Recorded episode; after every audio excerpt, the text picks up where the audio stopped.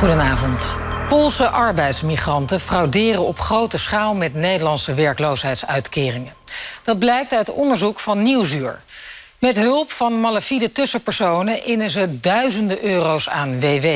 Terwijl ze in Polen aan het werk zijn of vakantie vieren. De fraude doet sterk denken aan de zogenoemde Bulgare fraude... waar vijf jaar geleden veel ophef over was. Annegien Steenhuizen van het NOS-journaal hoorde u. Dit was de opening van het journaal van 3 september van dit jaar. Bij mij in de studio zit Siebe Sietsma, onderzoeksjournalist bij Nieuwsuur. En samen met Christel Voorn en Daniel Heringa, de man die die fraude onthulde. Hij stond trouwens ook aan de wieg van de zaak van de Bulgarenfraude. Daarover straks meer. We gaan het eerst over de Polen hebben, hè. Welkom. Dank. Uh, laten we even bij het begin beginnen. De eerste uitzending op 3 september was niet de enige die je maakte. Je hebt inmiddels een hele reeks erover gemaakt. Maar ja, hoe kwam je aan het verhaal? Hoe ben je begonnen? Het begon met een tip, uh, zoals de beste verhalen. Van wie? Ja, dat kan ik dan weer niet zeggen. Uh, ik uh, koester mijn hetzelfde met onderzoeksjournalisten. Ja, ja, het is een flauw antwoord, maar het is niet anders. Anders zaten we hier helemaal niet als we dat allemaal op tafel gooiden. Maar het begon met een tip, zoals eigenlijk alle goede verhalen... in mijn ervaring tenminste, beginnen met een tip... en niet met een zelfbedachte slimme vraag van de journalist. In dit geval dus een tip. Ik zou iemand spreken over een bepaald onderwerp... en die zei, nou, dat is goed, daar kunnen we het over hebben... maar waar ik mij nog veel meer aan erger...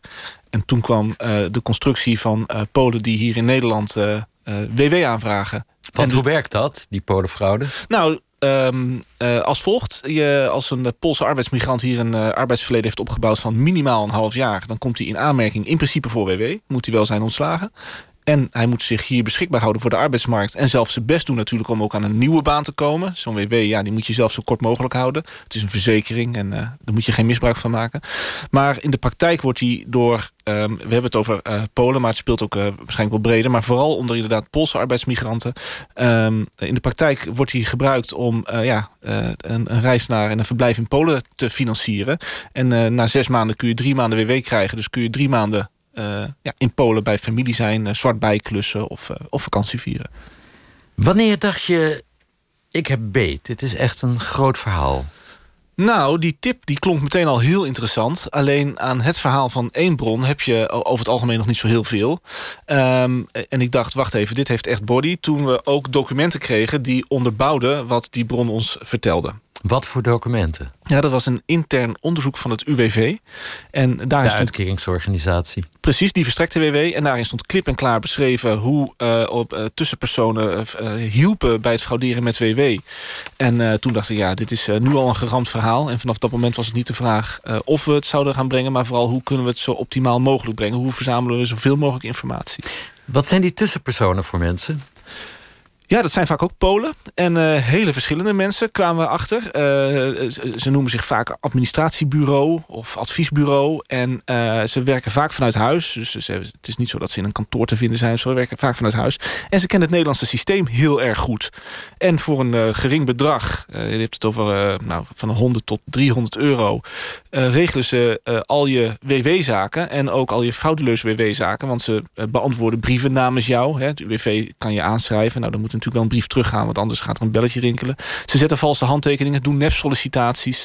Dus op die manier faciliteren zij de fraude. Dus ze doen zeg maar alsof postwerknemers uh, hier, hier zijn en druk aan het solliciteren zijn. En in, in feite zitten die weer in uh, Krakau of Lublin of noem maar op. Ja, dat is ongeveer waar het op neerkomt. Ze uh, doen alsof die Polen hier druk aan het solliciteren zijn, maar in werkelijkheid is het anders. Voor uh, die onthulling, je zei al even, ja, je moet het ook nog bewijzen. Uh, hebben jullie onorthodoxe middelen gebruikt? bijvoorbeeld een verborgen camera gebruikt? We gaan even luisteren naar een stukje van hoe dat klinkt. Een metrostation onder de rook van Rotterdam. We kunnen terecht voor een afspraak met een tussenpersoon. We nemen verborgen opnameapparatuur mee om het gesprek vast te leggen. Dzień dobry. Proszę, nie przesprówcie, proszę bardzo do środka. De vrouw houdt kantoor in haar huiskamer. Als we vertellen dat we in Polen gaan werken, maar eerst WW willen aanvragen, steekt ze meteen van wal. No ja znaczy przede wszystkim ja e, muszę panią przygotować. To nie jest tak, że pani idzie tam ze mną i mówi tak, ja jadę zaraz jutro do Polski wyjeżdżam, prawda? Nie może pani tego powiedzieć, bo, e, bo Ze biedt aan om voor ons de UWV-post af te handelen terwijl we in Polen zitten. Ze kan dan informatie over de verplichte sollicitaties invullen... en de formulieren daarover terugsturen naar het UWV. De formularze, to ja muszę coś podpisywać? Umawiam się z klientem, że podpisuję w imieniu klienta, prawda? Czyli pani imieniem i nazwiskiem. Wat ze voorstelt is valsheid in geschriften en dus strafbaar. Ja, een fragment uit uh, Nieuwsuur dus. Uh, in de tv-uitzending werd het ondertiteld. Ik kon niet het hele gesprek verstaan. Jij misschien wel? Nee ik, nee, ik ook niet. Ik hoop niet dat je nu aan me vraagt wat ze letterlijk zei... want dat heb ik niet paraat. Ja, hoe is je Pools, wou ik vragen. Ja, heel beperkt. Heel beperkt. Hoe heb je dit dan aangepakt? Wie heeft dat gesprek gevoerd? Uh, nou, het, het, is opgenomen met een verborgen camera. Dus uh, we hebben nu alleen de audio, maar daar hebben we ook beeld bij. En uh, dat hebben we uiteindelijk gedaan. we hebben het eigenlijk in twee fases aangepakt. We hebben eerst iemand gezocht. Het was trouwens nog een hele klus ook om iemand te vinden. Want ehm, Polen ja, die, zullen niet makkelijk meewerken aan een publicatie die schadelijk is voor hun landgenoten. En dat was in dit geval natuurlijk bij uitstek wel het geval. Ze willen hun eigen nest niet bevuilen. Nee, dat, daar zijn ze heel uh, terughoudend in. En uh, daar kan ik ook nog wel begrip voor op hebben, uh, opbrengen. Maar in het productieproces was dat lastig om iemand te vinden. In eerste instantie hebben we iemand gevonden die is gaan bellen. En zo hebben we via internet, kom je op al die sites terecht... hebben we vrij snel een beeld kunnen krijgen van... nou, er zijn veel van die bureautjes. En bijna allemaal, als je eenmaal contact hebt... zijn ze wel bereid om je te helpen met fraude. Dus dat was, uit, dat was eigenlijk het uitgangspunt om vervolgens te gaan werken met een verborgen camera. Toen hebben we uh, twee van die bureautjes opgezocht met verborgen camera. En daarvoor hebben we gebruik gemaakt van een dame. Een uh, dame, een uh, Poolse van oorsprong, die ook de Nederlandse taal goed machtig was. En zij heeft zich voorgedaan als Poolse arbeidsmigranten... die wilden gaan frauderen met WW. En nou, zo heeft zij aangebeld op, op twee adressen... en is zij binnengelaten en geholpen. Waar stond jij ondertussen? Ja, dat, Kijk, over het algemeen uh, zou je zeggen dat uh, de journalist zelf het verborgen camerawerk doet... als dat mogelijk is, maar vanwege de taalbarrière kon dat niet. En dus moesten we iemand sturen. En dat was ook wel spannend, want ik wist niet precies waar deze dame in terecht zou komen. Zij was zelf onverschrokken, gelukkig. Um, um, maar wel, ja, ze werkte met ons en we hebben haar gevraagd om dit voor ons te doen. Dus ik voelde me wel verantwoordelijk. De eerste keer konden wij vlakbij staan... en kon ik via de zender van de verborgen camera meeluisteren in de camera-auto. Ik kon dus niet verstaan wat er gebeurde... maar wel dat het een, een gemoedelijk gesprek was... waarbij ook af en toe werd gelachen... en dat er wat dat betreft geen spanning op stond. Dat was fijn en dat gaf ook iets meer rust bij het tweede gesprek... want toen was de situatie zo dat ik niet meer kon volgen wat er binnen gebeurde... en moest ik maar vertrouwen dat deze dame uh, uh, zichzelf kon redden... waar ze trouwens uitstekend toe in staat was. Maar we stonden wel om de hoek en we, waren, uh, ja, we stonden klaar om als het nodig was... onszelf kenbaar te maken en te vertellen wat we aan het doen waren. En waar stond je precies? Of uh, waar zat je precies? Ja, ik zat in een, in een cameraauto. Dus ja, bij het eerste adres uh, stonden we eigenlijk... Uh, nou, misschien hemelsbreed 10, 15 meter van het gesprek af. Het zijn onopvallende auto's. en het tweede gesprek stond iets verder weg. Een verborgen camera gebruiken is ja, altijd een beetje een omstreden middel in de journalistiek. Een ultimum remedium. Je doet ja. het alleen als het echt niet anders kon. Ja. kon het echt niet anders? Ja, ik ben er zelf ook geen fan van, eerlijk gezegd. Ik vind een beetje stiekem gedoe en daar hou ik niet van. In dit geval uh, dacht ik dat het wel nodig was om echt aan te tonen hoe het ging. Ook dat het in zo'n huiselijke sfeer gebeurde. Ook uh, nou ja, uh, om, om wat voor mensen het gaat die dat doen. Um, en ook om gewoon zelf vast te leggen, ook voor onszelf duidelijk te maken. Ja, zo werkt dat dus. Nou, je bent dus niet betrapt in die camerawagen... maar je hebt nog wel een advocaat achter je aangekregen. Ja, de tweede, uh, tweede adres waar we geweest zijn... Uh, het eerste adres reageerde trouwens, uh, je zou kunnen zeggen sportief. Die zei, nou, het klopt, u, ja, dat hadden we nooit mogen doen... wat we hebben gedaan in dat gesprek. We hebben het vaker gedaan, maar we stoppen er nu mee. einde verhaal voor ons, want dit is... ja, nu is mooi geweest. Dus denk die... je dat ze ook echt gestopt zijn?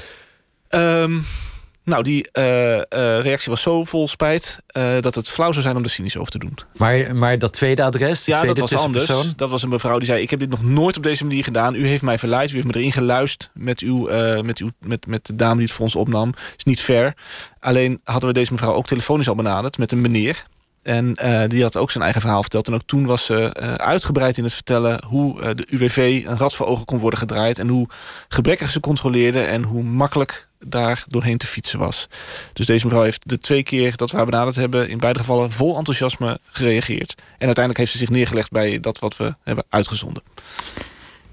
Nou goed, je had dus documenten. Je had een geweldige tipgever. je had undercover opnames...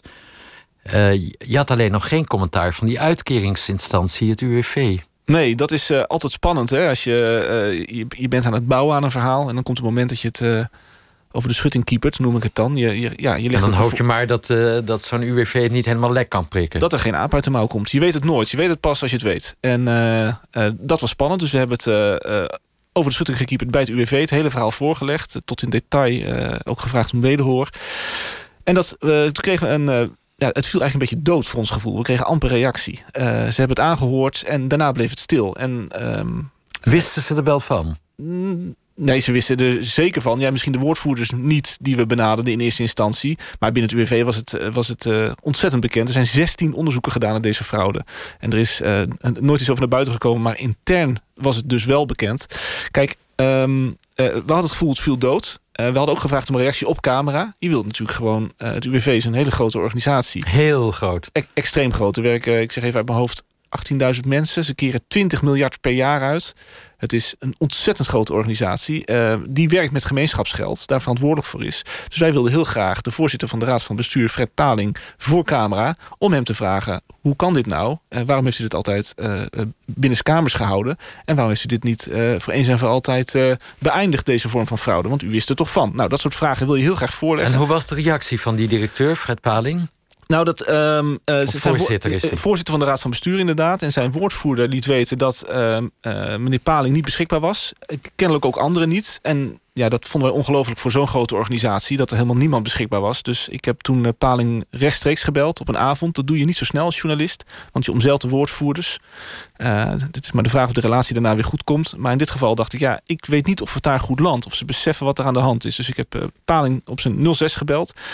Ik heb gezegd, meneer Paling, de reactie van uw woordvoerders... het spijt me dat ik ze moet passeren, maar die is zo... dat ik me afvraag of jullie goed inschatten wat voor kwestie dit is... en uh, wat voor impact dit kan hebben op het UWV. Uh, u bent, ja, het is aan u om te kiezen of u ons te woord staat of niet. Het is een vrij land, maar... En toen? Nou ja, toen zei hij...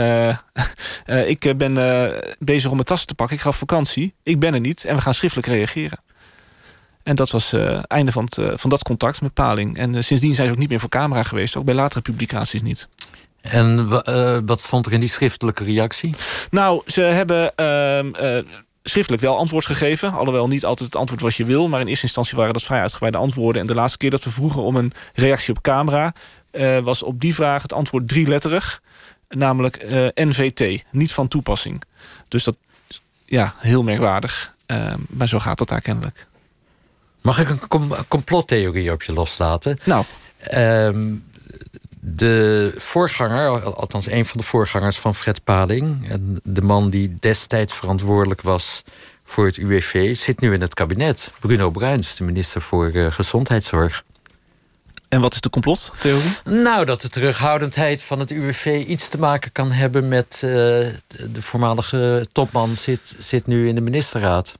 Ja, ik, uh, ik, dat weet ik niet. Uh, het is een aardige theorie. Uh, ik, ik weet niet hoe dat werkt. Ik heb wel de indruk dat het UWV um, in een grote kramp is geschoten. Misschien al wel langer zit. Het is een organisatie die onder permanente druk staat. Er zijn altijd wel mensen ontevreden over het UWV. Als de politiek niet is, dan zijn het de uitkeringsklanten wel, om even zo te zeggen.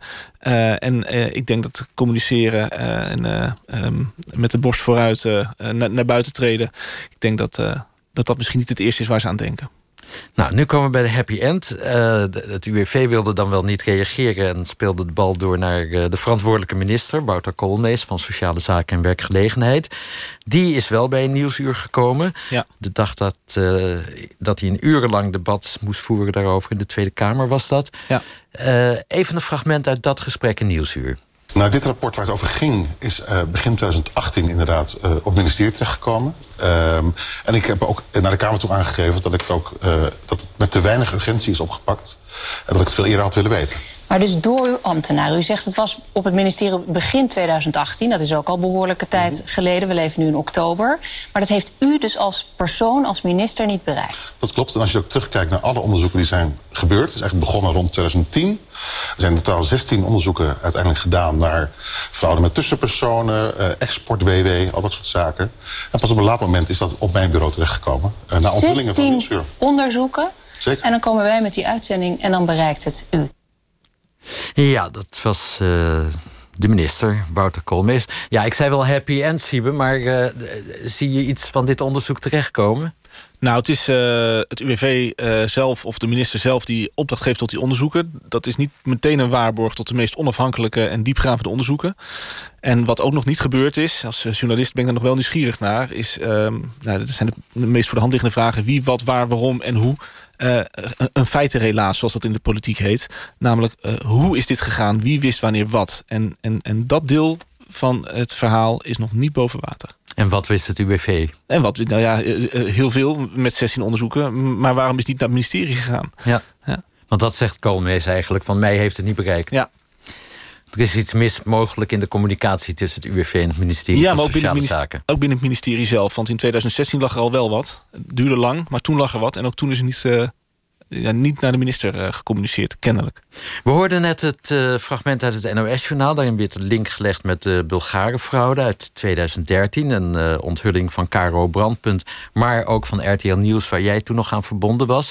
Uh, dat, dat leidde uiteindelijk tot gevangenisstraffen van 18 maanden tot 4 jaar. Denk, denk je dat deze Poolse BW-fraude ook dat soort straffen kan gaan opleveren? Nou, er zijn al, wat, er zijn al twee mensen gestraft... die voor honderden mensen gefraudeerd hebben met WW. Dat waren seriële fraudeurs, zou je kunnen zeggen. Um, die hebben lichte gevangenis- of taakstraffen zelfs gehad. Dat stelde niet zo heel veel voor. Um, ja, ik vraag me, ik denk eigenlijk niet dat er nog meer van dat soort straffen bij komen. Het strafrecht is in, in, fraudezaken, zeker als je maar één iemand hebt die fraudeert, dat, uh, dat, dat stelt niet zoveel voor. Dat is een heel lastig instrument. En wat is de omvang van, van deze Poolse BB-fraude vergeleken bij die Bulgare fraude van toen? Oh, dit is veel groter. Uh, een WW is meer dan een toeslag, want daar ging het bij de Bulgaren om. Bovendien is de groep die het doet ook groter. Het is uh, een veel grotere groep arbeidsmigranten hier dan dat de Bulgaren waren. Dus dit is echt uh, factor 5 tot 10 keer groter. Dank je voor je komst, Siebe Sietsma, en complimenten met jullie onderzoek. Merci. Dit was Argos voor deze week. Volgende week zijn we er weer uiteraard van 2 tot 3. Meer onderzoeksjournalistiek morgen tussen 7 en 8 bij Reporter Radio. Dat gaat over de nieuwe wet op de inlichting